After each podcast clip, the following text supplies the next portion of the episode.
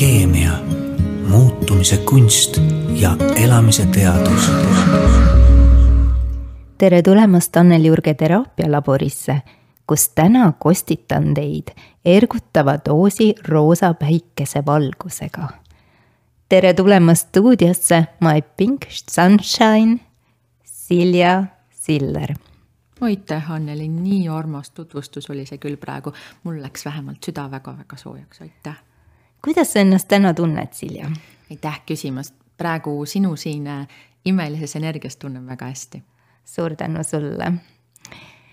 sina oled kirjade järgi siis heaolu coach või siis veel võib öelda heaolu kangelanna ja joogaõpetaja ja koolitaja ja podcaster kõik asjad, kõik need, mis sa ette lugesid praegu, täiesti õige.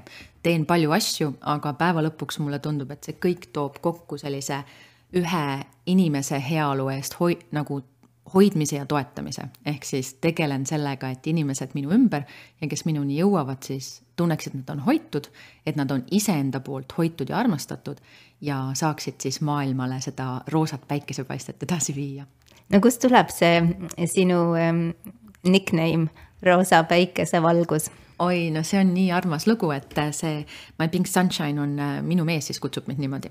Äh, et juba esimesest, ma arvan, kas oli esimesest päevast või, või esimesest nädalavahetusest koos, siis äh, tema pani mulle selle nime, sest et noh, enamus inimesed, kes mind teavad, ma olengi selline, et ma olen, ma naeratan peaaegu kogu aeg, ma olen, leian selle positiivsuse kuskilt ka võib-olla kõige tumedamatest nurkadest ülesse.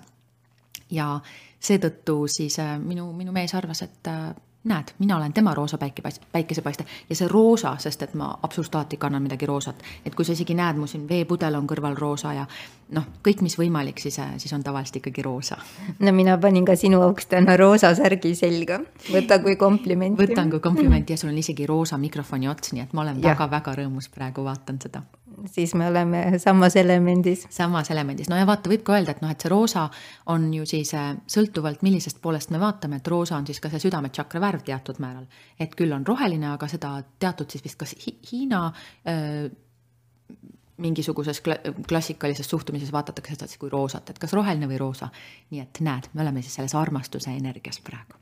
just, roosa kvarts sinna juurde. täpselt nii mm. -hmm no kuidas sul see õnnestub, seda positiivsust kõiges näha ja päev läbi positiivne olla? kas sa vahest äh, nagu kukud ära ka või väsid sellest ära ka? see on hea küsimus, et äh, no vot, ega see, ega see positiivsus ei, ei tähenda ju alati seda, et ma pean kogu aeg naeratama ja et, et kõik peab lõkerdav olema, selline, selline. eufooriline. just, eufooriline. et äh, kuna ma teen, olen ka joogaõpetaja, on ju, koolitan, siis minu arvates on üks kõige parem ütlus see, et elu ja jooga on liiga tõsised asjad, et neid tõsiselt võtta see on number üks. ehk siis me ei ole ju tulnud siia, et tõsist tööd teha ja rügada. see on nagu minu selline esimene, esimene vaatepunkt, et noh, me äkki naudiks võib-olla elu, kui meil see antud on kust sul sellised uskumused tulevad, sest tavalise Eesti inimese uskumus on siiski, et raha tuleb raske tööga. ja, ja need kõik muud toredad vanasõnad on ju. kes kannatab, see kaua elab mm, -hmm. need on meil nagu DNA-ga kaasa antud. ja et see ära hõiska enne õhtut ja pill tuleb pikali peale. kust mm -hmm. sina sellised oled võtnud? tead, mina arvan, et et mind on õnnistatud lihtsalt sellise oskusega elus näha seda positiivset ja kuna mina noh, väiksest peast olin sellises kodus, kus võib-olla alati ei olnud väga tore, siis tänu sellele, et mul see oskus on, ma arvan, tänu sellele ma sealt kodust üldse ütleme, üles kasvasin ja, ja enam-vähem noh, kas nüüd just päris normaalselt välja tulin, aga enam-vähem jäin ellu selles mõttes, et elutervelt. nii palju kui võimalik on ühes alkoholi äh, alkohoolikute peres siis üles kasvada selles mõttes, on ju. et äh, ma arvan, tänu sellele ma ei näinud oma elus ainult seda pimedat poolt, vaid et kuna mul oli oskus leida see hõbedane niit või siis see positiivne igas asjas, siis äh, sealt mul see on tulnud. see on muidugi sügav ja raske teema ja just eelmises saates ma arutlesin kaassõltuvuse eksperdi Gerd Grünbergiga kaassõltuvuse ja sõltuvuse teemat ja me tõdesime, et lapsed, kes on siis pärit alkohoolikute perekonnas, on pidanud seal kohanduma, oma tundeid ignoreerima ja põhilised reeglid on olnud siis ära räägi, sellest, et sa oled alkohooliku peres, sellest ju ei tohi rääkida, sellest viisakas seltskonnas ei räägitud mm. -hmm. ära tunne, sest kõik tunded tuli alla suruda jaa, tunded tuli alla suruda ja eriti sellepärast, et äh, mul oli, ütleme nii, et mu ema oli alkoholik ja isa oli siis see noh äh,, kuidas tänapäeval siis öeldakse, jõi li-, jõi lihtsalt teinekord liiga palju, aga see toimetulev alkoholik see, see kaheksakümmend protsenti toimetulevatest, on ju. ja äh, isa puhul oli see, et, et emotsioone ei olnud hea näidata, sest ta ise ka ei näidanud. Ja minu kui väikse lapse kõige parem päev üldse aastas oli minu sünnipäev. ja ma sain alles kuskil mingi peale kolmekümnendat eluaastat aru, miks mu sünnipäev mulle nii tähtis on. et ma nagu täiesti, minu jaoks oli see nagu lausa draama, kui mõni inimene ei tulnud minu sünnipäevale minu sünnipäeval, sest noh, kuidas ta ei tule, see on maailma kõige tähtsam päev. ja siis ma sain aru, et see oli sellepärast, et ainus päev aastas, mil ma sain oma isa käest kallistuse ja musi, oli minu sünnipäev. Jah, tihti ongi ju alkohoolikute lapsed sellest emotsionaalsest tähelepanust ilma jäetud, mis ongi nende elu hiljem vorminud. no kuidas sa sellega oled oma elus toime tulnud? kas äh, oled sa käinud teraapiates ja ja siis äh, eneseabiga tegelenud või, või kuidas see sinul, kuidas see koitma hakkas, et, et sa pead endaga tegelema, et paremat heaolu elus äh, saavutada? see on selline väga tore teekond olnud, sest et noh, ma, ma ei tea, ma päriselt arvan, et ma olen mingit pidi kuidagi väga-väga hoitud olnud oma elus, sest kui ma läksin viiendasse või kuuendasse klassi, siis ma avastasin, et meie kooli keemiaõpetaja oli noh, kuidas ta siis kutsutakse meediumiks või, või kes iganes, igatahes inimene, kes, kes suutis asju näha pisut äh, teistmoodi kui võib-olla tavalised inimesed. ehk siis juba koolis, kui me sinna suurde majja läksime, siis koolis juba räägiti, et meie keemiaõpetaja on selline, et kui klassis on külm, siis ta paneb käed kokku teeb klassi soojaks. mis ehk siis, koolis sa käisid? ma käisin Tallinna Reaalkoolis. ehk siis, et kõik seda teadsid, äh, tervitused siit Anu Ermanile ja et äh, tema oli üks imeline inimene, kes siis väga noorest peast hakkas mulle näitama seda teist poolt, ehk siis seletama, et maailmas on muid asju ka, kui lihtsalt see, mida me silmaga näeme või, või kõrvaga kuuleme.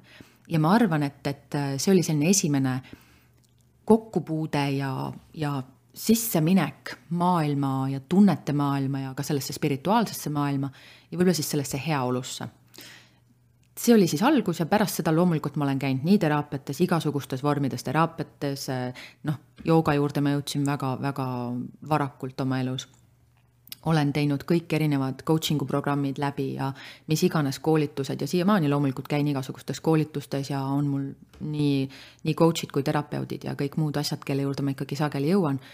tänasel päeval ma ei käi sugugi mitte regulaarselt, ütleme siis ei, ei terapeudi juures ega coach'i juures, sest et ma usun, et kui teema üles tuleb, siis sellega on vaja tegeleda. Ent kui teda üles ei ole tulnud, siis ei ole vaja ka kõike võib-olla hakata lihtsalt üles tooma, sellepärast et noh, siis on jälle ju vaja mingite asjadega niimoodi tegeleda. aga ikka aeg-ajalt mingid asjad tulevad ja kuna mina olen ju siis ka selles mõttes noh, tegelen kehaga hästi palju ehk joogaga siis tulevad sealt ka muidugi keha, keha annab märku nendest asjadest, mis meie sees toimuvad, on ju. keha on tõesti väga tark, teda juba ära ei lollita. isegi kui tahad, et võid igasuguseid asju rääkida, et mina olen kõik läbi teinud, aga siis kehast tuleb mingi valu kuskil välja ja siis mõtled, et ah, ma ju tegelesin selle isa teemaga juba tükk aega tagasi, aga ikka ta tuleb tagasi. nii et ja, ja alati noh, ütleme nii, et ta ei tule ju kunagi tagasi kui samasugune asi, mis ta alguses oli, ta tuleb tagasi vähekene teise nurga alt ja ta tuleb tagasi mingisuguse muu arusaamisena. et me iga kord lahendame rohkem nagu sibulat koorime, on ju. et aina väiksemaks ta läheb, aga lihtsalt äh, tuleb järgmine leht sealt siis ära võtta. ja sa oled alati saanud aru, kui on see hetk, et selle teemaga tuleb tegeleda noh, eks äh, olen ka mina vahest kõvapäine selles mõttes, et äh, ei taha alati oma seda sisetunnet võib-olla kohe kuulda võtta. mõnikord läheb kauem, mõnikord tuleb kiiremini. ent noh, mida pikemalt, eks sa tead ise ka, et mida pikemalt sellel teel käid, sellel nagu enesemõistmise ja heaolu teel, siis seda kiiremini see tuleb tegelikult. Gerd Grünberg nimetas seda nii kenasti armastuse teeks sest äh, selle teekonna iga sammuga me läheneme iseendale ja õpime iseendasse suhtuma armastavalt ja leebelt. ma olen sellega täiesti nõus. ma absoluutselt iga kord, kui ma alustan joogatundi, siis ma palun inimestele, et äh, kui vähegi võimalik, siis nad suhtuksid iseendasse hellusega. ja hellus ongi juba see üks samm armastusele lähemal, on ju, et me ennast ei piitsutaks ja, ja, ja endale liiga ei teeks ja seetõttu ma olen väga nõus, et armastus on, on ikkagi see, kuhu me tahame. kui siis mitte, kui me juba seal ei ole, siis tahame sinna jõuda. sa oled kindlasti paljudele inimestele suureks eeskujuks, et sa oled julgenud ähm, avalikult välja öelda, et jah, tõesti, see juhtus minuga, ma pärinen alkohooliku perest et see ongi ju see nagu nii-öelda jõehobu elutoas, millest tavaliselt need lapsed ei räägi. kuidas sinuni see julgus tuli või sinu sisse see julgus tuli? tead, ma, aitäh muidugi, ma, ma ise ei näe seda üldse niimoodi, ma arvan, see on lihtsalt hästi loomulik, et et me, mida rohkem me räägime asjadest, mida me samas nagu ei tahaks välja lasta, siis seda, seda kergem on meil elada. et äh, mulle teeb alati nalja see, kui keegi ütleb, et no mina ei tea, mina ei julge seda asja download ida oma telefoni, et kõiki asju ju võib, võib järgi, noh, igale poole võib sisse saada ja siis võib nagu häkkida kõikjale ja minu, minu toimetusi saab jälgida. ja siis mina ütlen selle peale, et aga kas tegelikult ei oleks lihtsam elada niimoodi, et ma ei pea midagi varjama või et ma ei pea mõtlema, et äkki saadakse sisse, no kui nad tahavad, siis saavad sisse. ja ma arvan, et mu südamega on samamoodi, et kui keegi tahab siia sisse saada, siis aga palun, ta on avatud. et ähm, see on see haavatavuse õppetund, on ju, ja ilma haavatavuseta ei ole tegelikult ei võimalik iseennast armastada ega ka lasta ennast armastada või ka teisi inimesi armastada ja seetõttu, mida varem me õpime jagama ka neid, noh, me võime neid kutsuda rasketeks õppetundideks, et need noh, õppetunnid on ju alati mingisugusel määral rasked, ega siis noh, neid kergeid õppetunde, neid me ei kutsu ju õppetundideks, on ju, et kuidas see on, et kui sa koolis oled tunnis ja see, mis õpetaja räägib, on sulle nii lihtne, siis sa ei õpi. no muidugi.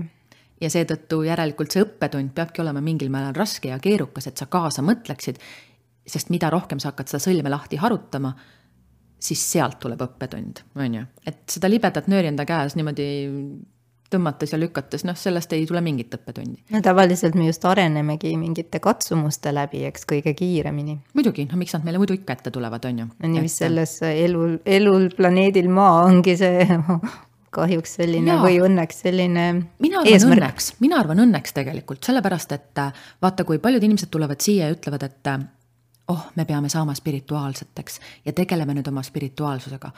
mina arvan, et meie hing ammu on juba selles kõiges maailma tarkuses, universumi tarkuses, kõike teab.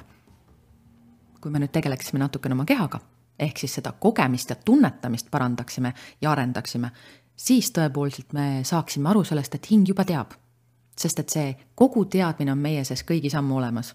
lihtsalt kuna me hoiame oma kehaga sellest kõigest kinni, ei lase endal kogemusi tunda emotsioone tunda, ei julge neid välja rääkida, ehk siis tekitame keha sisse sellise pideva pinge ja stressi olukorra ja tunde, siis äh, sealt ei ole võimalik millestki lahti lasta ja seetõttu me ei saa ka kogeda seda, mida hing juba teab.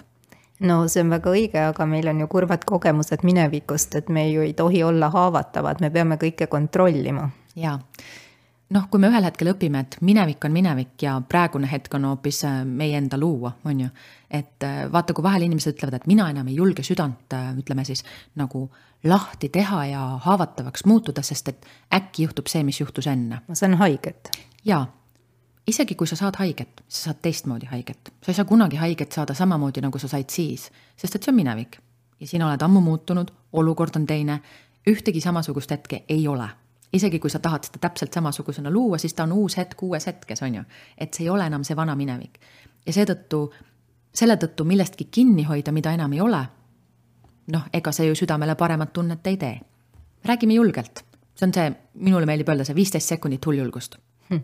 Nagu, millal saabus sinu ellu see hetk, kui sa tegid äh, minevikuga rahu, kuidas sa seda tegid oh,? kuidas ma seda tegin hmm.? Ma ei tea päris täpselt, ma arvan, et see tuli samm-sammult, nagu kõik asjad. et äh, alustad ühest otsast seda lõngakera kas siis kokku või lahti rullimist ja lõpuks jõuad sinnani, kus märkad, et see ei tee enam haiget. et üks samm korraga. võtta võib-olla kõigepealt ette see, et äh, mis mul praeguses hetkes kõige rohkem haiget teeb selles olukorras või mis see kõige suurem kivi seal või pind silmis on, on ju. ja ma arvan, et mina kõigepealt alustasingi oma ema teemast. et ähm, emaga meil selles mõttes suhteid ei olnud, mina jalutasin ära, kui ma olin mingi, ma ei mäleta, üheksateist, kakskümmend. ja ma ei mõtle selles mõttes, et jalutasin lihtsalt kodust ära, aga jalutasin nii, et ma enam oma ena-, oma ema enam kunagi ei kohanud tema elu jooksul. et äh, ja tema muidugi ka minuga ühendust ei võtnud, mis tähendab siis seda, et ma tegelesin sellega iseseisvalt, et kuidas hakkama saada sellega, et mul on emaga selline suhe ja, ja siis sellega nagu rahu teha enda sees kui su ema lahkus, mis tunne sul siis oli? kas sa said tema eluajal sellega piisavalt tegeletud, et sa lasid tal rahus minna või, või sa olid siis ikkagi veel vihane, kurb, mis iganes. ja tead, ma pean tunnistama, et mul seda viha oli võib-olla ainult, kui ma nagu tema juurest ära jalutasin seal mingi kahekümnendates, võib-olla mingi aastakene või, või paar. et äh, siis ma sain lihtsalt sellest ühel hetkel aru, et no mida ma, mida ma vihastan tema peale, et noh, tema ju ei saa sellest aru, et ma tema peale vihane olen, see on samamoodi nagu, et mina võtaksin mürki ja loodan, et tema sureb ära. on ju, et, et sellest ei ole mõtet kinni hoida.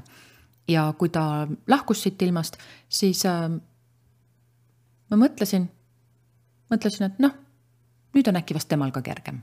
sest et ma ju suudan, noh, ma, ma muidugi ei saa öelda, et ma oskan panna ennast tema situatsiooni, ent ma seda arvan, ei peagi tegema. noh, just, aga ma arvan, et ma suudan mõista teda ka, et selles mõttes ega tema ju ka ei teinud, ei teinud midagi, mida ta tahtis võib-olla, et ta Aru oleks kindlasti taht teistmoodi teinud, kui ta oleks osanud, aga tema ei osanud ja mina oskan. no sellistes olukordades ongi vist kõige õigem lihtsalt mõista ja tunnistada, et jaa, ma näen teda, et ta ei osanudki teisiti. ja siis ähm, on ka lihtsam andeks anda, kas sina oled oma vanematele andeks andnud oma südames? tead, see andeks andmine on minu jaoks selline hästi huvitav teema. et kui ma päriselt mõtlen, et siis noh kas me üldse peame kellelegi andeks andma, sest mille eest? nagu vaata, mina usun sellesse, et me oleme valinud oma vanemad ja, ja me oleme tulnud siia neid kogemusi saama ja, ja tänu nendele kogemustele ma ju olen täna, kes ma olen. et kui mul neid kogemusi poleks olnud, siis ma oleks keegi teine, hoopis, hoopis teine. ja ma päris olen ju, päris ausalt olen õnnelik selle üle, kes ma olen. võib-olla ma tahaks, et mul oleks mingisugused muud oskused või, või teeksin midagi muud, aga siis ma saan sinna suunas liikuda ja seda õppida. et ma isegi nagu ei ei kujuta ette, et ma peaks neile millegi eest andeks andma, sest nad ei ole teinud mulle mitte midagi vägisi.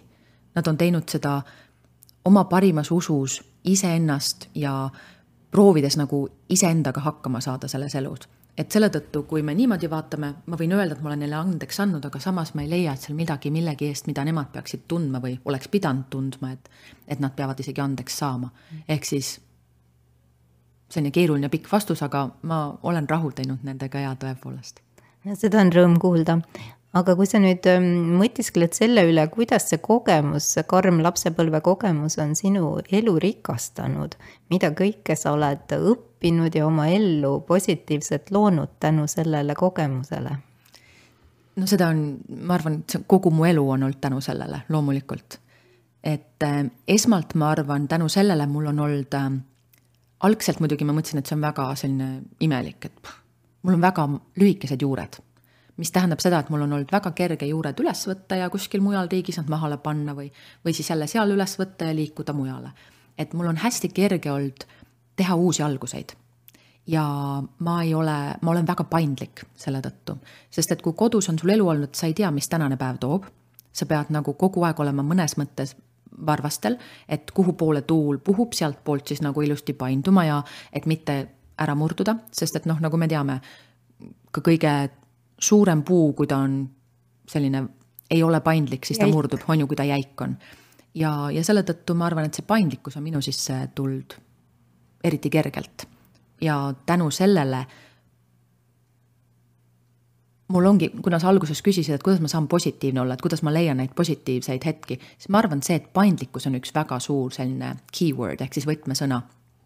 et kui sa oled paindlik, sul on väga kerge leida, vaadata teise nurga alt ja leida, et oo, siin on, siin selles hetkes on hoopis midagi sellist head. et võib-olla siis see paindlikkus on peamine asi, mida ma olen saanud sellest noh, mitte võib-olla väga toredast äh, kogemusest. kas ma võin oletada, et ka sinu elukutse valik nii-öelda, et olla siis heaolu coach ja joogaõpetaja ja koolitaja samamoodi on kuidagi seotud äh, selle äh, mineviku lapsepõlve kogemusega. et sa justkui soovid aidata teisi ja juhtida teisi inimesi, kes on samasuguste probleemide ees või, või teiste probleemidega. jaa, ma arvan küll, et, et äh, see on loomulikult sellega seotud, ent tänaseks päevaks ma olen juba väga-väga ammu lahti lasknud sellest, et kedagi, kedagi juhtida või kedagi aidata. ma arvan, et me ikkagi peame ise kõik iseennast aitama lihtsalt kui meil on soov, et keegi oleks seal teejuhina või toetajana kõrval, siis me saame teiste poole vaadata ja öelda, et kuule, ole mulle toetuseks ja, ja seda toetust ma tõepoolest tahan ka inimestele pakkuda ning mis, muidugi. jaa, vabandust, mis on see life coaching? mis on life coaching, no vot, see nüüd sõltub, millisest äh, siis ütleme sellest äh, kool, koolkonnast tulla, on ju. aga minu jaoks on tegelikult siis see, et äh, noh, kuna ma tänasel päeval ikkagi kutsun ennast rohkem heaolu coach'iks ja ma olen ka heaolu äh, siis selle wellness coaching'u äh, koolituse läbi teinud. mis seal siis... vahet on? vot jah, see on see, see on see hea küsimus, et kui life coaching on siis ikkagi rohkem võib-olla siis mentaalsete ja ka mineviku ja praeguse hetke teemadega seotud, siis wellness coaching ehk see heaolu coaching on siis tegelikult seotud ka kogu su füüsisega. et äh, ja mulle meeldib alati mõelda, et me ju tegelikult, kui me inimest vaatame, me ei saa vaadata, et täna me teeme trenni ja siin ei ole üldse kaasas ei seda, seda vaimset poolt ega seda mõtete poolt, on ju, et tegeleme ainult füüsisega. või vastupidi, et täna tegeleme ainult selle, selle vaimse poolega ja nende mõtetega ja jätame selle keha välja. et minu arust see heaolu ähm, coaching toobki hästi toredalt siis need mõlemad asjad kokku. et tegelikult, nagu me siin ka ennem rääkisime, on ju, et keha annab märku, keha on kõige targem, siis paratamatult need kaks asja käivad koos ja heaolu coaching võtabki siis selle füüsilise poole, selle vaimse poole ja selle mentaalse poole, ehk siis need kõik, spirituaalne, vaimne, kuidas me ikka neid eesti keeles kutsume, on ju, et meil need sõnad on natukene vaata eesti keeles sellised spiritual, mental ja ja, ja physical on siis no, inglise keeles. enamasti on tõlkekirjandusest ju pärit ka need terminid, see on nagu arusaadav mm. -hmm. aga ütle palun, kuidas inimesed sinu juurde tee leiavad või mis on siis see nii-öelda trigger või siis päästik, et kui inimene siis saab aru, et tema elus võib-olla ei ole kõik nii tipp-topp, et siis tal on vaja mingit ähm, juhatust. et millal on siis õige hetk tulla heaolutreeneri, heaolu coach'i juurde täpselt siis, kui on tunne, et seda heaolu igas hetkes ei ole, ehk siis iseendaga ei ole rahul või sellega, mis, mis enda ümber toimub. sest et noh, äh, vahel me ei pruugi isegi aru saada, et me endaga rahul ei ole, on ju, et aga märkame, et meie ümber ei ole kõik korras. sest noh, see on ju see paras peegeldus meie enda sisemaailmast, on ju. Äh, ma arvan, kõige õigem hetk on siis, kui inimene tunneb, et ta tahab sellepärast, et kui keegi teine soovitab, ütleb, et sa pead minema, siis noh, siis me teame, see ei ole enda soov ja siis sellest ei tule mingisugust head nahka. kui inimene tunneb, et äh, midagi võiks muutuda ja kui ta arvab, et ta ise ei ole üksipäini valmis neid samme astuma.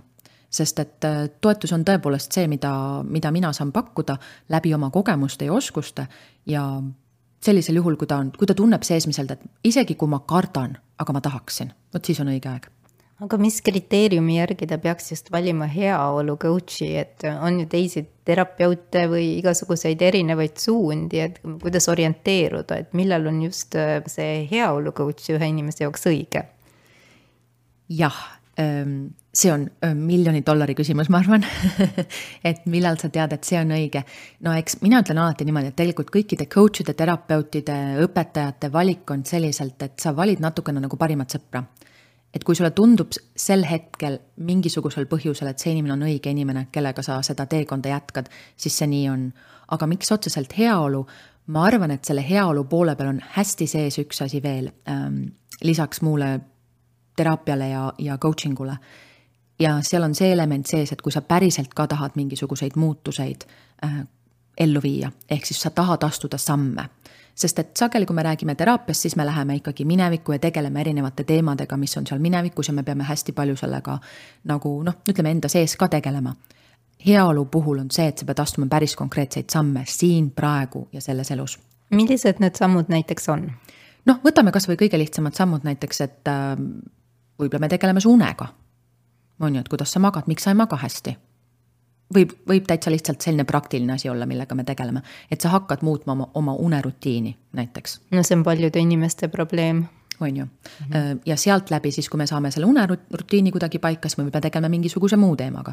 näiteks võib-olla sul on tööl, sul on enesekehtestamisega võib-olla tööl jamasti, ütleme selles mõttes, et sa tunned, et näed, tahaksin olla nagu parem juht ja praegu siin ei saa, siis ma annan sulle mingisuguseid kokkuleppeliselt loomulikult mingeid harjutusi, millega sa saad tegeleda nii tööl kui kodus, ehk siis konkreetselt sa saad erinevaid harjutusi ja ülesandeid, mida siis teha selleks, et, et seda oma heaolu paremaks muuta. ehk see on siis nagu pigem praktiline niisugune treening, kui on see siis selline, ütleme, vanade mõttemustrite muutmine? me teeme mõlemat, vot see ongi see, et need kaks asja käivad nagu hästi käsikäes, ent paratamatult, kui sa muudad mõttemustreid, siis hakkavad muutuma ka päriselus su asjad, nagu sa ise tead, on ju, teraapiast ja, ja siis nüüd ongi need, et need tööriistad, mida sa siis saad, neid ülesandeid praktiliselt, need siis tegelikult toetavad seda mõttemustrite muutumist igapäevases elus.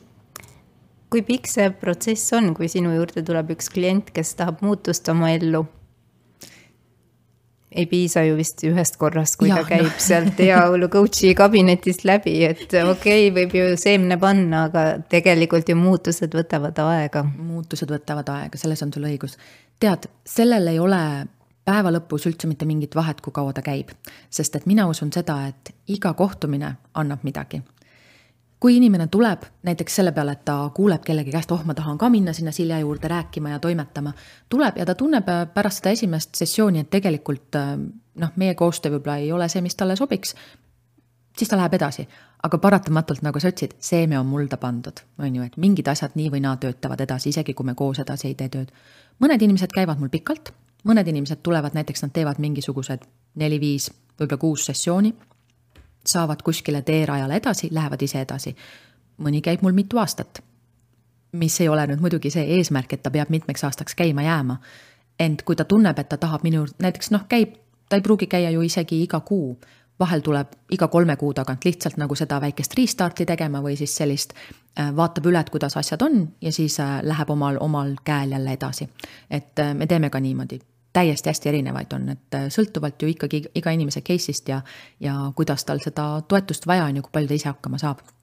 kuidas sa hindad, kui suur osakaal on nendel inimestel, kes ikkagi tegelikult ka tõeliselt panustavad, et see muutus toimuks, sest mina olen näiteks oma praksises näinud, et inimene nagu tegelikult ei taha muutuda, et ta tahab, et keegi teine kuskilt mujalt terapeut ta korda teeks tõstad arvan, nagu energiat jaa. ringi, tal kohe elujärg paraneb ja siis rohkem pole vaja ise midagi teha, võib vana elustiiliga edasi minna. kuidas sinu kogemus on? ja see on see, et tulen, anna mulle see tablett ja asi saab korda ja enam ei valuta ja lähen edasi. ma arvan, et see on umbes selline üheksakümmend viis protsenti on inimesi, kes tahavad, et asjad ole, et nad tunneksid ennast paremini ja viis protsenti on neid inimesi, kes tahavad, et asjad muutuksid, et nad, et nad saaksid paremaks. Ehk siis see vahe on, kas ma tahan ennast tunda paremini või saada paremaks. ja paratamatult on jah nii, et, et noh, muidugi kõik, kes minu juurde jõuavad, ma võin öelda, et nemad on need, kes tahavad, tahavad saada paremaks, mitte ennast ainult tunda paremaks, et kuidagi niimoodi õnneks, ma ei tea, kas ma olen mingisuguse mentaalse piiri sinna ette pannud, aga, aga jõuavad minu juurde inimesed, kes on päriselt ka nõus seda tööd tegema. ent äh, noh, oleme, oleme restlikud, enamus meist ikkagi tahaks tegelikult, et lihtsalt asi saaks kergelt korda, me ei peaks neid samme astuma, sest et nagu sa ise ka ütlesid, esiteks see võtab aega, teiseks see ei pruugi alati väga tore olla, et see on selline võib-olla noh, kohati ju väga valuline kogemus, kui sa pead mingid, kas mingid vanad mustrid üles võtma ja nendest läbi liikuma või, või muutma mingeid harjumusi, mis tegelikult on mulle hästi mugavad, mida ma noh, päriselt nagu ei tahaks muuta, on ju.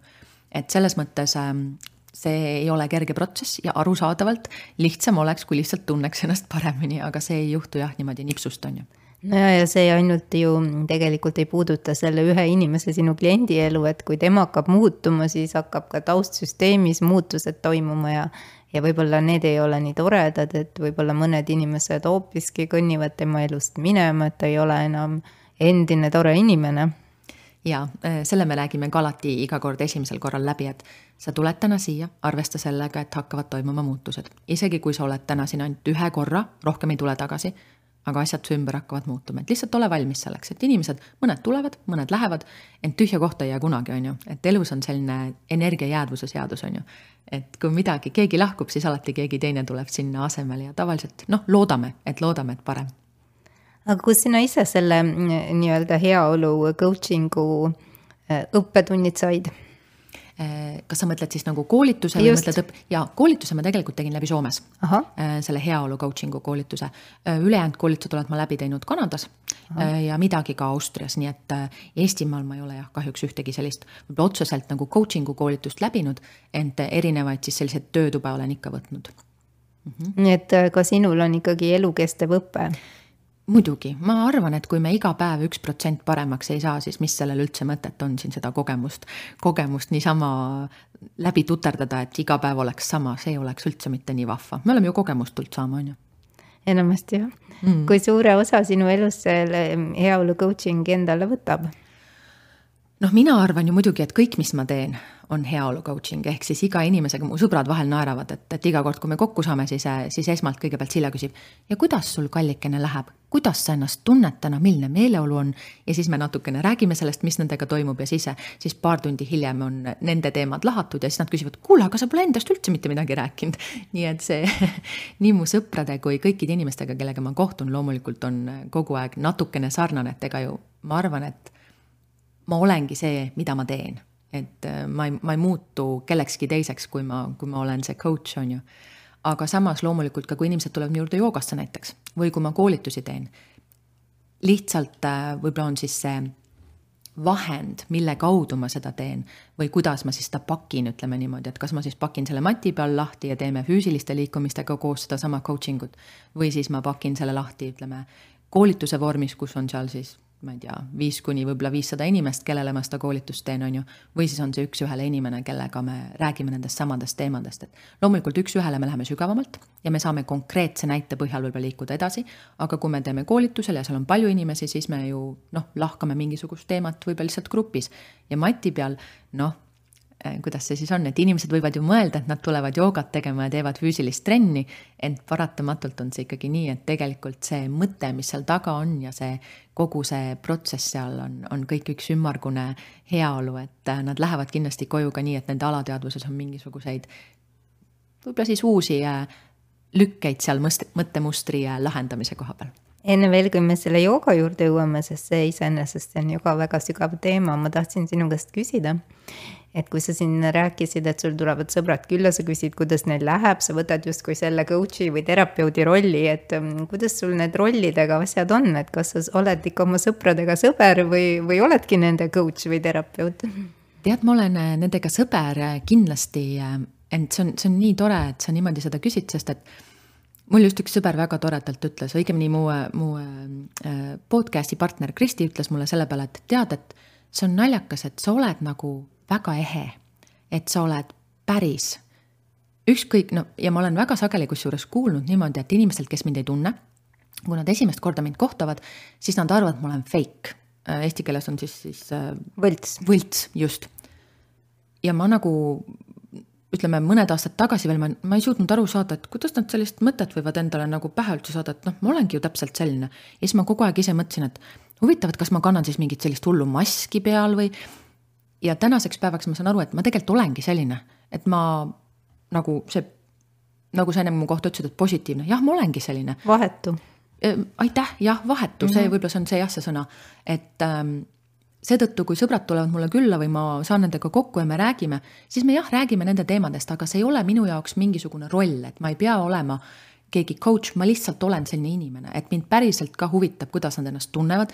ja samas ma tean ju seda, et kui neil on mingisugune teema no mõtle, kui hea, et neil on tegelikult sõber, kes suudab siis selles hetkes võib-olla pakkuda ka seda rohkem professionaalset osa, et ma aitan võib-olla kergemini neil sellest üle saada.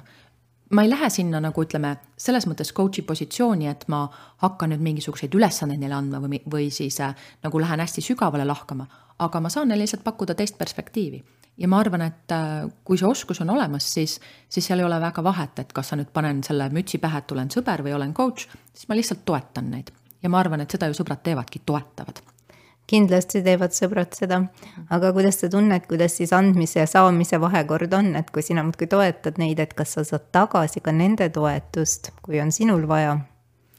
jah no. kas sellega... nad oskavad sind samamoodi teises äh, perspektiivis asju vaatama panna? tead, ega ma seda väga ei, tunnen, et ma nagu väga ei ootagi ja ei vaja. et selles mõttes äh, õudselt tore on, kui keegi vahel annab mingisuguse selle teistsuguse vaatepunkti, aga ma arvan, et ma ootan just, ootan, no see ei ole üldse hea sõnavalik, et ma arvan, et minu sõprade puhul on see, et see, et nad olemas on ja et ma saan nendega kokku ja see, et ma saangi neid toetada, see tegelikult annab mulle nii palju. et ma ei ole väga selline, kes, kes võib-olla vajabki nii palju sellist äh, käehoidmist, et kui mul on mingi teema, siis ma hästi paljus lahendan seda ise ja kui ma päriselt tunnen, et ma vajan, siis ma, siis ma pöördun ka kellegi poole, kes on tegelikult professionaal, sest et ma mõistan seda, et mu sõpradel ei pea olema seesama oskus, mis professionaalil, kes on õppinud seda. ja teinekord ma ei taha isegi neile seda võib-olla peale panna, sest et noh, paratamatult sõbrad tahavad aidata. kindlasti. on ju, ja sõprade puhul, kui sa, kui sa tahad aidata, siis see tähendab seda, et sa tahad kohe hakata otsima mingisuguseid lahendusi, aga kui sul puudub tegelikult see professionaalne oskus seda teha, siis äh, sa teed ju ainult endale ka liiga, sest et enamus inimesed muutuvad siis empaatiliseks ja mitte ainult empaatiliseks, vaid nad astuvad ise sellesse rolli sisse. võtavad vastutuse. just, võtavad vastutuse ja siis nad tunnevad sedasama asja. ehk siis see tähendaks, et ma põhimõtteliselt valan neile endale see, enda asja üle ja nad lähevad koju, nad tunnevad ennast halvasti, nagu mina ennem tundsin, on ju. et seetõttu ma pigem hoian seda, kui mul ikkagi mingi väga suur asi on, siis ma pigem mõtlen kuhugi maale ise, kirjutan, mediteerin teen kas mingisuguseid ähm, iseeneseslikke teraapia vorme või siis lähen mõne terapeudi või coach'i juurde. et äh, lihtsalt ja siis sõpradega jagan juba seda kogemust. räägime nüüd ka joogast. sa oled jooga juures juba väga pikka aega. nagu ma aru sain, sa alustasid seitsmeteistaastaselt, jah? Äh, tead, tegelikult joogaga ma, päris joogaga ma alustasin ähm, nüüd juba kakskümmend vist üks või kaks aastat tagasi Äh, ehk siis natukene vana olin, vanem olin kui seitseteist. aga äh, no väga pikka aega jah, ikkagi olen juba jooga juures. aga mis on see, mis köidab sind jooga juures ja milline joogastiil on just sinu südamelähedane? oi, no mul läksid nüüd silmad jälle veelgi rohkem särama, ma arvan.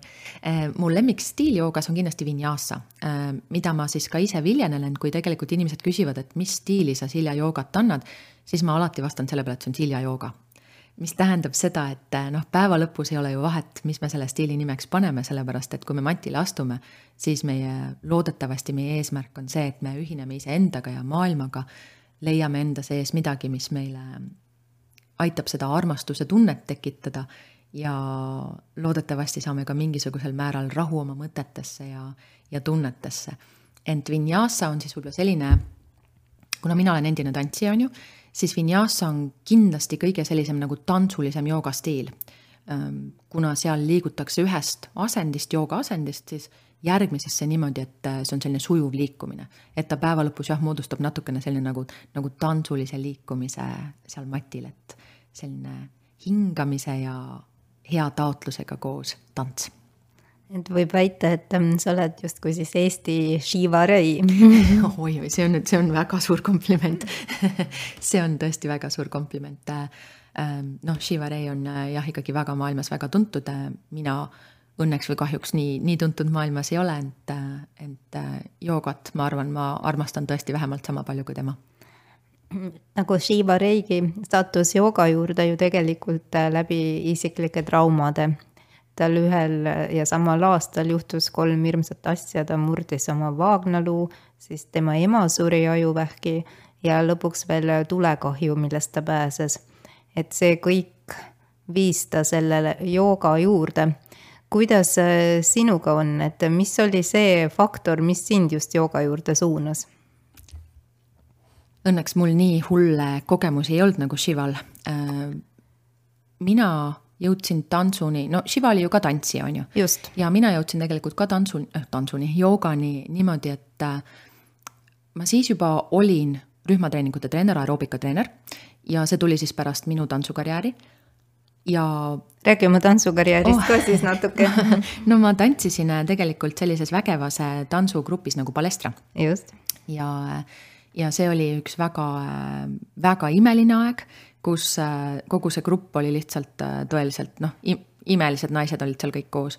et meid kaksteist meie grupis oli ja siis olid meist veel ka vanem grupp. et üldse kõik inimesed, kes sealt palestrast läbi käinud on, minu arust on, on, on mega, mega naised. Ähm, ja noh, ütleme see tantsu osa, see kõik on väga vägev, lihtsalt eks noh, kõik teavad, kes on teinud mingisugust äh, treeningut siis professionaalsel tasemel ja, ja väga kõva tambi all, et see on vaimselt ikkagi päris korralik äh, jah, selline äh, mitte kõige kergem asi. Ja ütleme ka niimoodi, et äh, kuna noh, mina tegin seda ju siis juba, alustasin sellega juba nõndanimetatud vene ajal, on ju, siis äh, treenerite oskused ja kogemused võib-olla seda gruppi motiveerida ja juhtida ei olnud tõenäoliselt need, mis võib-olla täna on et kui me mõtleme selle peale, mis, kui keegi mõtleb vene aja peale, siis tõenäoliselt ei tule meelde, et sa mõtled, et treener tuli tundi, ütles no vaeseke, kuidas sulle siin meeldib. siis käis ikka kõik natukene rohkem sellise, kas teed või, või lähed üldse siit äh, trennist minema, on ju. ehk siis kergelt hirmuvalitsuse all. ja kui mõelda selle peale, siis see ikkagi jätab sellisesse nooresse tütarlapsesse päris korraliku jälje. noh, võib öelda, et selline vaimne noh, kas me nüüd seda vägivallaks kutsume, aga noh, päeva lõpus tõenäoliselt, kui me kõik kokku võtame, siis, siis seda on, on ju. et noh, kindlasti mitte teadlikult ei ole seda ükski treener teinud niimoodi, aga noh, need, nemad ju tulevad sealt, kus nendel on õpetatud niimoodi ja seda siis edasi kantakse. ja sedasi ma siis sinna joogasse jõudsingi, et ma tajusin ühel hetkel, et ma tahan midagi, mis oleks natukese nagu tants, aga mis oleks minu meeltele ja südamele kordades leebem. ehk siis, mis laseks mul rahu tunda ja nautida sedasama liikumist ja kui ma sinna joogamatile esimest korda jõudsin, siis äh, ma päris täpselt ei saanud isegi aru, mis minuga juhtus. sest et noh, liikumised tulid mul ju suhteliselt kergelt välja, sest noh, olles tantsinud eriti palestras, kus pidi ütleme, paar minutit kava korraga meelde jätma, sest et muidu läks trenn all see meelest ära, on ju. siis ma asjadele sain väga kiiresti pihta, ent äh, seal sees oli selline vabadus ja kergus, armastus oma keha suhtes ja iseenda suhtes, mida me ei olnud mitte kuskil veel kunagi tundnud varem, nii et ma arvan, see mind hästi köitiski ja köidab tänase päevani. et kui mu keha teab, ma astun mati peale, siis automaatselt mu keha laseb lahti. ükskõik, mis pinge on olnud päevas või, või eelnevates päevades, kui mu jalad puudutavad matti, siis, siis mu kehal on teadmine, et ta on kodus ja, ja ta võib armastada ja ta võib täiesti olla haavatav ja nautida. no kuidas sa ise esimest korda sinna matile sattusid? Tead, see käiski vist niimoodi, et äh, ma elasin siis juba Taanis ja ma, ma ei mäleta, kas ma siis juba olin tööl ka selles äh, Euroopa suurimas spordiketis või ma vist juba olin jah. ja siis ma läksin mööda ja vaatasin, et issand, see saal on nii inimesi täis, no seal meil, meil kõikides klubides oli hästi palju, palju rühmatreeningute saale ka. ja vaatasin, et issand, see saal on nii täis inimesi, mis nad teevad seal siis ma küsisin, mis tund see seal on, et see nii puupüsti täis inimesi on peaaegu et nagu noh, et ukse vahelt ka veel keegi teeb enam-vähem, on ju, et mm., et nagu kummist oleks saal olnud. ja siis nad ütlesid, et see on joogatund, siis ma mõtlesin, et oi, kui see nii popp on, siis ma pean ka sinna minema, et mis see popp on. ja sedasi ma sinna sattusin. ja siis, siis juba järgmine kord tuli väga kiiresti. ja siis ma käisin erinevate väga ägedate õpetajate juures ja sain sealt sellise päris korraliku põhja endale alla ja siis otsustasid ise hakata joogat õpetama? see tuli ka kuidagi, kuna ma vaata treener olin juba siis äh, selle aja peale, siis see tuli nii, nii automaatselt kuidagi, et ma alguses hakkasin võib-olla lihtsalt lisama oma trennidesse neid joogaelemente. Äh, siis ma käisin erinevate õpetajate juures veel äh, ütleme siis privaattundides ja õppisin siis nende kogemusi ja oskuseid. et mina olen väga suuresti õppinud joogat tegelikult siis küll ka läbi erinevate koolituste, aga ka õpetajate käe all üks-ühele, nagu siis klassikaliselt tegelikult joogat vanasti õpiti, et, et oli üks õpetaja ja seal siis õppisid. ja, ja sedasi ma siis õppisin ja ühel hetkel siis ma tajusingi, et kuule, peaaegu kogu tund on juba joogaks muutumas, et enam ei ole siin mingisugust aeroobikatundi. ja siis äh, niimoodi tulidki see, tuli see jooga andmine ja kui ma Eestisse tagasi kolisin, siis, siis ma hakkasin ainult joogat põhimõtteliselt andma, tõepoolest no jooga on ju tegelikult elustiil ja ühendus Jumalikuga. et mida sa ütleksid nendele inimestele, kes arvavad, et see on puhas füüsiline treening, kus saab lihaseid tuunida? mina ütleks seda, et kõike seda saab ka, jaa. jooga võib olla väga-väga kõva füüsiline treening, ent mitte ainult. jooga võib olla väga vägev vaimne ühendus, ent mitte ainult.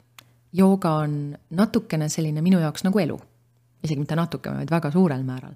et ähm, kõik, mida sa matil teed, seda sa teed ka päriselus. liigud, hingad, mõtled, tunned, kõik need asjad on matil olemas. kui sa tahad natukene rohkem füüsilist äh, treeningut, siis sa valid endale jooga, kus, kus on ütleme siis võib-olla väljakutsuvamad joogaasendid ja kus tehakse natukene rohkem liikumist. kui sa tahad pisut vähem füüsilist ja tahad rohkem äh, siis kas hingamisele või, või vaimsele teekonnale pühenduda, siis sa valid teise joogastiili aga päeva lõpus on see siiski kõik jooga. et äh, samamoodi nagu kui me inimesi vaatame, et võib-olla üks elab selliselt, et ta reisib palju ja toimetab palju, teine elab selliselt, et ta on hästi kodune, noh, aga kõik elavad, on ju. et lihtsalt jooga on, jooga on see peegeldus seal matil ja, ja mina kutsun üles absoluutselt kõiki inimesi proovima isegi neid, kes ütlevad, et minu jaoks on jooga liiga aeglane, ma ei viitsi või minu jaoks on jooga liiga raske. proovige, te võite üllatuda, aga hoiatus siinkohal, jooga võib meeldima hakata. ja mis siis saab, kui ta hakkabki meeldima? siis ongi, ta muutub elustiiliks ühel hetkel. et äh, mul vahel inimesed küsivad, et miks sa teed seda joogat? ma lihtsalt olen parem inimene, kui ma teen. kui ma ei ole joogat teinud, siis, siis mul mees kodus ütleb, et hmm, äkitselt sa tahaksid mati lahti rullida? ta tunnetab ära. jaa, absoluutselt. no see energia on teine, on ju, et see tegelikult jooga paneb sul, mina, mina tunnengi, et kui ma olen seal matil käinud, siis ta paneb mu energia õiget pidi liikuma. no eks see vinyasa ongi ju flow, Flow. ehk, ehk siis äh, eluvool, jah voolavus, just täpselt. ja me seda seal matil teemegi, et me voolame ja sageli panemegi selle energia õiget pidi voolama, on ju. et noh, ise ka ju tead teinekord, kui on selline väga stressirohke periood, mis juhtub, on selline tunne, nagu energiat üldse ei liiguks, on ju. et tahaks, et need asjad hakkaks kehas voolama. ja miks kehas, sellepärast et noh, me ju siin mõtetes seal kogu aeg käib siis, kui stressi palju on, on ju. aga me tahame, et kehas hakkaks samamoodi voolama, sest kui kehas hakkab voolama, siis mõtted ei pea enam nii ainult siin peas püsima, vaid sa saad tegelikult lahti lasta, on ju. sest et energiat liiguvad mujal ka ka mina kogesin koroona ajal, kui tegelikult olid ju need grupid kinni ja inimesed pidid ikkagi oma toas kuidagi läbi ajama, noh siis mina ka kasutasin seda võimalust ja, ja tõesti võtsin neid online joogatunde ja ma tundsin, et jaa, see tõesti seda ärevuse fooni ja teadmatust tuleviku suhtes ja kõiki hirme, et ta kuidagi hajutas ja, ja tegi ikka mm, inimese, minu siis väga rahulikuks jaa, muidugi teeb, absoluutselt. sest noh, päeva lõpus ongi see, et kui sa liigutad oma keha ja kui sa hingad selliselt, mis on päriselt ka su, su kehale ja su vaimule toetav. ehk siis noh, toome siia lihtsa näite. Äh, kui nüüd kuulajad ka näiteks tahavad, pange korraks pausile, pange oma telefoni peale minut aega taimeriga ja siis lihtsalt silmad kinni ja hingake, vaadake, mitu korda te väl- äh,, hingate minutis. sisse-välja, sisse-välja on üks hingamine, ehk siis sisse-välja on üks hingamine. lugege ära, mitu korda te minutis hingate ja siis, kui see on kuus kuni kaheksa või veelgi vähem hingamist, siis see on selline väga hea ja loomulik. kui te hingate rohkem kui kümme korda juba, siis see on hüperventilatsioon, mis tähendab seda, et ainult pinnapealselt hingatakse. no oleneb, mis meeleseisundis keegi on, jah. absoluutselt jaa, aga noh äh, ma ei, ma ei mõtlegi seda, et sa pead kogu aeg hingama seal kuus lööki minutis, aga päeva lõpus, kui sa kogu aeg ainult hingad mingi viisteist, kakskümmend, kakskümmend viis lööki minutis. ma toon hea näite, mul oli siin just paar päeva tagasi oli üks äh, vaimse tervise koolitus, mida ma läbi viisin grupis ja me olime juba mingi peaaegu kaks pool tundi rääkinud teemadest ja teinud igasuguseid harjutusi ja siis palusin neil samamoodi selle hingamise ära lugeda. ja siis nii toredalt osalejad ütlevad, et loevad selle hingamise ära, ütlevad, et nii hea oli praegu hingata, et nii rahulik oli, et ma sain viisteist, viisteist hingamist minutis. ja siis ma ütlesin, et kujutad ette, me oleme kaks pool tundi juba siin tegelenud sellega ja sa said viisteist lööki minutis ja sa arvad, et see on rahulik mis sa siis igapäevaselt veel hingad, on ju? et äh, kui suur on meil tegelikult stressifoon ja kui vähe me saame aru sellest, mida me keha peab ka, peab läbi elama selle stressi nagu sees ja kui vähe me paneme seda tähele jaa, sest et meie mõttetegevus on nii aktiivne ja ütleme, et kui kogu aeg tuleb uudiseid igalt poolt peale ja me üritame selles virvarris kuidagi hakkama saada, mingeid seisukohti võtta, et see vaene keha on tõesti siis nagu nurka jäetud. just, just, et noh, kuidas me saame siis rääkida mingisugusest heaolust seal on ju, et eh, kui me, me tegeleme ainult ühe poolega iseendast ja tegelikult see teine pool, mis on nagu nii suur osa meist, no, no kui me vaatame, sest kui me inimest ju vaatame, me näeme esmalt ta keha enamus meist on ju, et enamus ei kõnni tänaval ja mõtle, oi kui ilus, ilus, ilusad meeled tal on või oi kui ilus, ilusad mõtted tal peas on, on ju, mitte keegi ei vaata ju seda no,. tegelikult me tajume ikkagi seda energiat, jah. jaa, on mm -hmm. ju, me mhm. tajume energiat, aga kui me näeme inimest, siis me näeme ju ta keha peamiselt, on ju. et, et noh, see on ju suur osa meist, see keha. et siis oleks ju väga hea, kui me tegeleme temaga ka hästi oluline on loomulikult tegeleda oma mõtetega ja tegeleda oma vaimuga ja tegeleda selle energiaga ja kõige sellega ka, aga keha on ikkagi üks väga suur oluline osa meist. et mul vahepeal, kui me räägime erinevatest äh, spirituaalsetest praktikatest ja kõigest, siis ma lihtsalt olen natukene kurb sellepärast, et unustatakse ära, et see kõik toimub meie kehas jah, ja ütleme, kui liiga, olla liiga peast kinni, et siis keha väsib ka seda rohkem, ma olen ka ise tähele pannud, et kui on väga pingeline niisugune vaimne periood, et peab nagu tegema mingit vaimset tööd kirjutuslaua taga, siis vaene keha siis juba päeva lõpuks on nagu nii väsinud, et see füüsiline väsimus on täiesti olemas, kuigi füüsiline treening absoluutselt puudus. just. Ja samamoodi on tegelikult ju ka meel väga-väga väsinud, siis on ju, et see vaim, sa ei jaksagi ju kirjutada terve päev otsa aga kui sa samas teeksid mingisugust natukene liikumist oma kehas, vabastaksid enda energiat ja saadaksid selle kõik liikuma, siis sa istud tagasi ja kirjutad eriti suure energiaga, on ju no nii see ongi, aga kuidas see koroonaaeg on mõjutanud joogatundide toimumist ja gruppe ja sinu tööd üldse? tead, noh, ma arvan, et need inimesed, kes said aru, et see oli nõndanimetatud taevane kingitus meile selleks, et iseenda sisse vaadata ja endaga tegeleda, siis nemad muidugi tegelikult seda joogat väga palju ja ka hakkasid rohkem tegelema selle, selle vaimse heaolu ja kõige, kõige sellega, et, et tuli ikkagi päris palju inimesi juurde, mina ütleks, aga noh, muidugi oli ka see, et võib-olla kõigil ei õnnestu ju teha neid privaattunde, on ju, et ja paljudele ei sobi ka see, et ta peab seda online tegema, eriti kui näiteks sul on kodus kas väiksed lapsed või palju loomi või, või noh, ütleme pere, et noh, kõik ei saa seda seal online lihtsalt matti maha visata ja siis äh, öelda, et nüüd teie käite ümber minu, on ju. Kuigi noh, see oleks eriti hea praktika, kui sa suudad teha seda, seda joogapraktikat, ütleme, keset pere sagimisi, siis sa oled ikkagi tõeline guru juba, on ju, et sa suudad kõigest lahti lasta.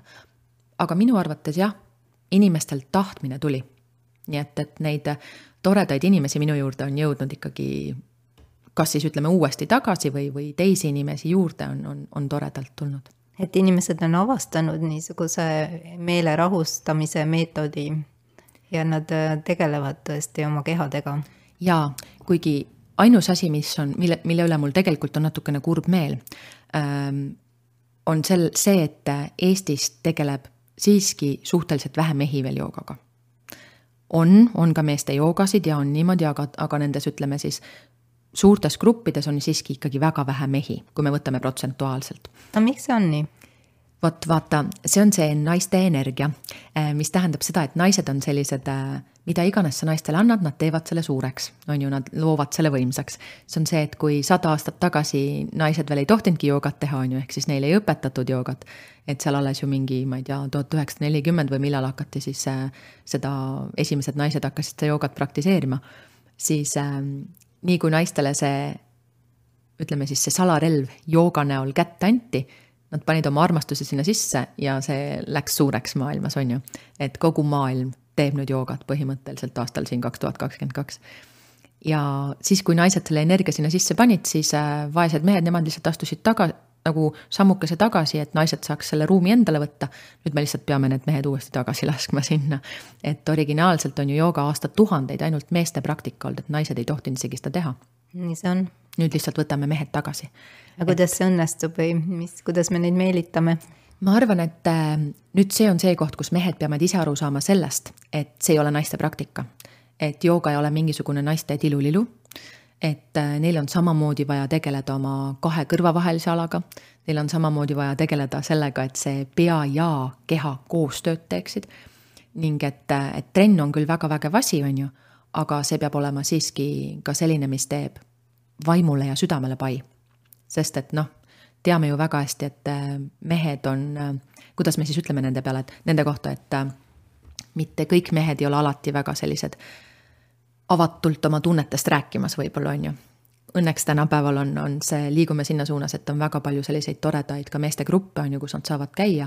aga noh, kui me vaatame ka siin nõndanimetatud jutumärkides klassikalist Eesti meest, siis ega tema ei ole võib-olla väga selline, kes, kes kohe tuleb südant puistama, on ju, ja oma tunnetest rääkima et äh, ma arvan, et me naistena peame lihtsalt natukene olema mõistvad ja avatult hoidma kohta meestele, et neil oleks ruumi selles. ja neile ruumi tegema. just, tegema seda ruumi, et nad, nad mahuksid meie kõrvale. ja siinkohal ütlengi, kui mõni meeskuulaja on, et te olete väga oodatud joogasse ka, sellepärast et äh, me alati hoiame teid seal selles grupis no palun siis äh, ütle ka seda, kuhu võiks tulla, kui sinuga tahta kontakti saada või sinu joogatundi ma arvan, et kõige lihtsam on mind siis üles leida kas sotsiaalmeediast äh,, Facebookist või Instagramist, Instagramis ma olen siis Connection Silja, ehk siis see tuleb siis sellest ühinemisest äh, ja minu nimest. Ja loomulikult minu kodulehelt, mis on siis mypinksunshine.com või .com. Ja tunde ma annan päris mitmes, mitmes klubis tänasel päeval ka joogat, et, äh, et saab igalt poolt otsida, olen nii olemas nii Golden klubis kui äh, City joogas kui äh, igasugustes teistes toredates klubides, et äh, lihtsalt otsida, ma arvan, kui interneti sisse panna mu nimi, siis kindlasti leiab ka igalt poolt. ja oled avatud uutele õpilastele? olen alati avatud ägedatele ja toredatele inimestele ja kõigile nendele, kes tunnevad, et nad vajavad natukene toetust. ja ma muidugi soovitan seda ka, et kui mõni inimene ei julge näiteks otse tulla suurde rühmatreeningu tundi joogas et siis äh, ta võtab endale, ja see ei pea olema minu kalts, on ju, et, et ta lihtsalt võtab, siis läheb, räägib selle ühe treeneriga ja võtab selle joogaõpetajal sabast kinni nõndanimetatud ja teeb eratunni. sest üks eratund, mina arvan, et on, võrdub pea kümme rühmatreeningut, sest et sa saad iseendaga tegeleda, sa saad täpselt need teadmised, mis sul vaja on, sa õpid oma keha veelgi paremini tundma ja siis on sul juba lihtne, lihtne minna edasi koos selle rühmaga, rühmaga toimetama. samamoodi nagu coaching on ju, et sa teed seda üks-ühele eriti efektiivselt, siis samamoodi jooga suur tänu sulle, Silja, sinu koolitustest me veel ei rääkinud. mis koolitusi sa teed? oih, äh, see on nüüd ka üks selline väga-väga hea küsimus. Äh, ma peamiselt teen siis ütleme erinevaid koolitusi, mis on seotud vaimse tervise, heaolu ja ka noh, ütlemegi nii, et vaimne tervis ja heaolu, sinna alla siis võib ka kuuluda igasugused tasakaalu leidmised ja, ja suhtluskoolitused ja sellised, aga kõik on siis ikkagi peamiselt selle läbi, et kuidas leida seda vaimset, vaimset heaolu ja tervist. ja need koolitused, kas need on tavainimestele või on need juba ikkagi nendele õpetajatele, treeneritele?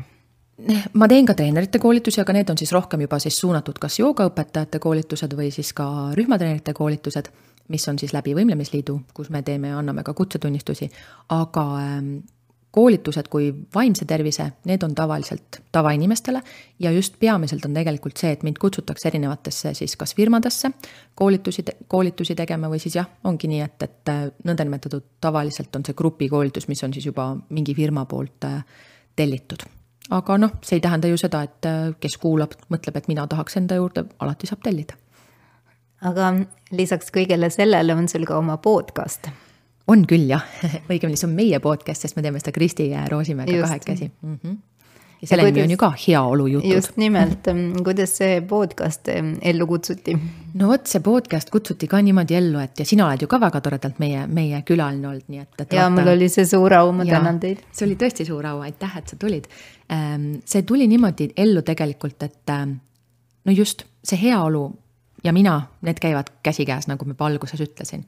ja kuna mul oli tunne, et äh, vot nende koolitustega ja võib-olla siis selle üks-ühele coaching uga ei jõua alati kõikjale, on ju, ehk siis, et noh, on väga limiteeritud aeg ja inimestel on limiteeritud aeg ja ka noh, oleme päris ausad, ega see siis ju maailma kõige odavam asi ka ei ole, on ju, et noh, päeva lõpuks, kui me teeme seda tööd, siis selle eest tuleb ka maksta ja noh, kõigil võib-olla alati ei ole võimalik seda üks-ühele coaching ut teha. ja siis oligi mõte, et äh, alguses teeks ühe suure heaolukoolituse hmm, aga äkitselt alustaks sellega, et me teeme podcast'i, siis me saame inimestele juba rääkida, mis teemad seal koolitusel võiks olla. ja nüüd ongi kuidagi podcast juba kasvanud nii suureks, et ta on nüüd kohe aasta otsa ja juba viiskümmend episoodi on ju, et, et koolitust, seda suurt koolitust me veel Kristiga teinud pole, aga noh, mina teen oma, oma heaolu ja vaimse tervise koolitusi ikka endiselt edasi ja siis podcast lihtsalt on tegelikult selline mõnus lisa. ja mis huvitav asi selle podcast'iga on, on veel see, et äh, mul on paar klienti, kes on öelnud niimoodi, et nad tulid minu juurde coaching usse ja me ei olnud podcast'ist mitte midagi rääkinud. ja käisid mõned korrad coaching us ära ja siis ütlevad, et ja tead, lisaks sellele ma siis igapäevaselt ka vestlen sinuga siis ma mõtlesin, et okei okay,, et kas ma käin öösel kuskil rändamas endale teadmata või et kuidas see minuga vestlemine on. ja siis tuli välja, et, et nad lisaks sellele, et me teeme oma coaching uid, nad siis kuulavad podcast'i episoode ja üks, üks klient isegi ütles, et ta kuulab neid mitu korda järjest. sest et iga kord, kui ta uuesti üle kuulab, siis ta kuulab mingit erinevat nagu mõtet või teemat sealt seest ja siis ma mõtlesin, et noh, vaata kui vahva, et see ongi siis tegelikult selline nagu selline lisa, coaching ule lisa on ju, et, et tegelikult tegeleb nende samade teemadega hästi paljuski, aga siis äh, läbi selle, et ta kuulab, mis on ju noh, äh, ma arvan, väga ideaalne. see on tõesti super ma küsiksin veel lõpuks, kas kõik need sinu tarkused ja kogemused ka ühel päeval raamatukaante vahele jõuavad? no vot, nüüd on see koht, et kui ma selle nüüd siin avalikult ja suurele, suurel platvormil välja ütled, siis nii peab ju juhtuma, on ju. Äh, ma tõepoolest olen seda juba päris mitu aastat äh, tahtnud panna raamatu kaante vahele. ja ma isegi kaks aastat tagasi osalesin ühel koolitusel just täpselt selleks, et saaks siis seda raamatut kirjutama hakata ja valmis. aga noh, ma ikka väga tahaks jah äh, ma ei tea, mis mind tagasi hoidnud on, no õigemini tean küll, eks ikkagi natukene see hirm, et mis nüüd mina, on ju. et noh, mis min-, mis, mis nüüd minu teadmised on, on teistmoodi või, või nii tähtsad, et ma paneks nad sinna kahe raamatu kaane vahele. et kui sa mind siin nii, niimoodi ilusate suurte silmadega vaatad, siis ma mõtlen selle peale, et äkki ma vist ikka pean selle ära tegema. no kui sul on juba selline tunne, et sa pead selle ära tegema, siis see tuleks ikka ära teha. kas sul on juba mõtteid ka, mis sinna raamatusse tulla võiks? noh, jah eks ta, oih, vabandust, ma kolksin siin, eks ta ikkagi peab olema selline üks heaoluraamat, aga kuidas täpsemalt äh, need kõik teemad sinna sisse panna ja kuidas need sinna kõik kokku kirjutada, eks see, ma arvan, kui ma nüüd lõpuks ennast kokku võtan, siis, äh, siis eks ta puudutab ikka meie vaimu ja meie südant ja meie keha, ma arvan. ehk siis ähm, Silja kogemus Silja kogemus heaolust, ma arvan küll jah, aga mis selle nimeks tuleb, no vot, see on nüüd, see on see miljoni dollari küsimus, on ju. no see nimi ongi tegelikult see trikiga küsimus, et ähm, see nimi võib ka kõige lõpuks tulla kuskilt äh, kõrgematest annaalidest, lihtsalt ootamatul kujul, nii et ära selle nimega nii väga pressi, et enne peab nimi olema ja siis hakkab alles jutt tulema. ma aga... usaldan sind kui, kui inimest, kes on kirjutanud paar raamatut juba. nii et ma võtan selle, selle õppetunni endale ma väga tänan sind, et sa tulid ja selle tunni jooksul, kui me oleme vestelnud, on minu isiklik heaolu väga palju suurenenud. ja ma usun, et samamoodi on ka meie podcast'i külalistel heaolu suurenenud, kui nad on sinu sellest rõõmu energiast osa saanud. ja ma väga innustan omalt poolt kõiki, kes te olete nüüd kahe vahel, kas ikka minna sinna joogasse või et võib-olla mitte või ei julge hästi, et siis ikka minge kindlasti, et Silja on lihtsalt nii avatud ja suure südamega õpetaja, et ta võtab teid kindlasti väga hea meelega vastu. aitäh, imeline Anneli ja aitäh sinu kuulajatele ka, et et äh, olete loonud koos sellise imelise platvormi siin ja, ja seda on tunda, kui, kui armastatud ja hoitud kõik sinu külalised ja kuulajad Anneli on, nii et, et suur-suur aitäh, et sa mind kutsusid. ja see tund aega lendas nüüd küll nii, nagu oleks viis minutit olnud, nii et äh, aitäh ruumi hoidmast ja, ja oma imelist energiat jagamas.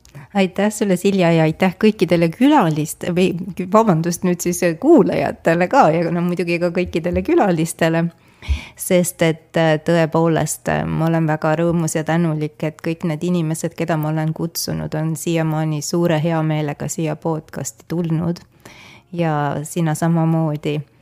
ja mul on ka nüüd uus emaili aadress anneli.alkeemia et gmail.com, kuhu ma ootan kõikide ettepanekuid ja soovitusi ja arvamusi ja samamoodi ma sooviksin teada, jätkuvalt, mis teemad inimesi huvitavad, keda me võiksime veel oma stuudiosse kutsuda, et ikka jälle seda heaolu tõsta ja päeva lõpuks on ikkagi meelerahu ja sisemine tasakaal see, mida me ka selle podcast'i kaudu taotleme. suur tänu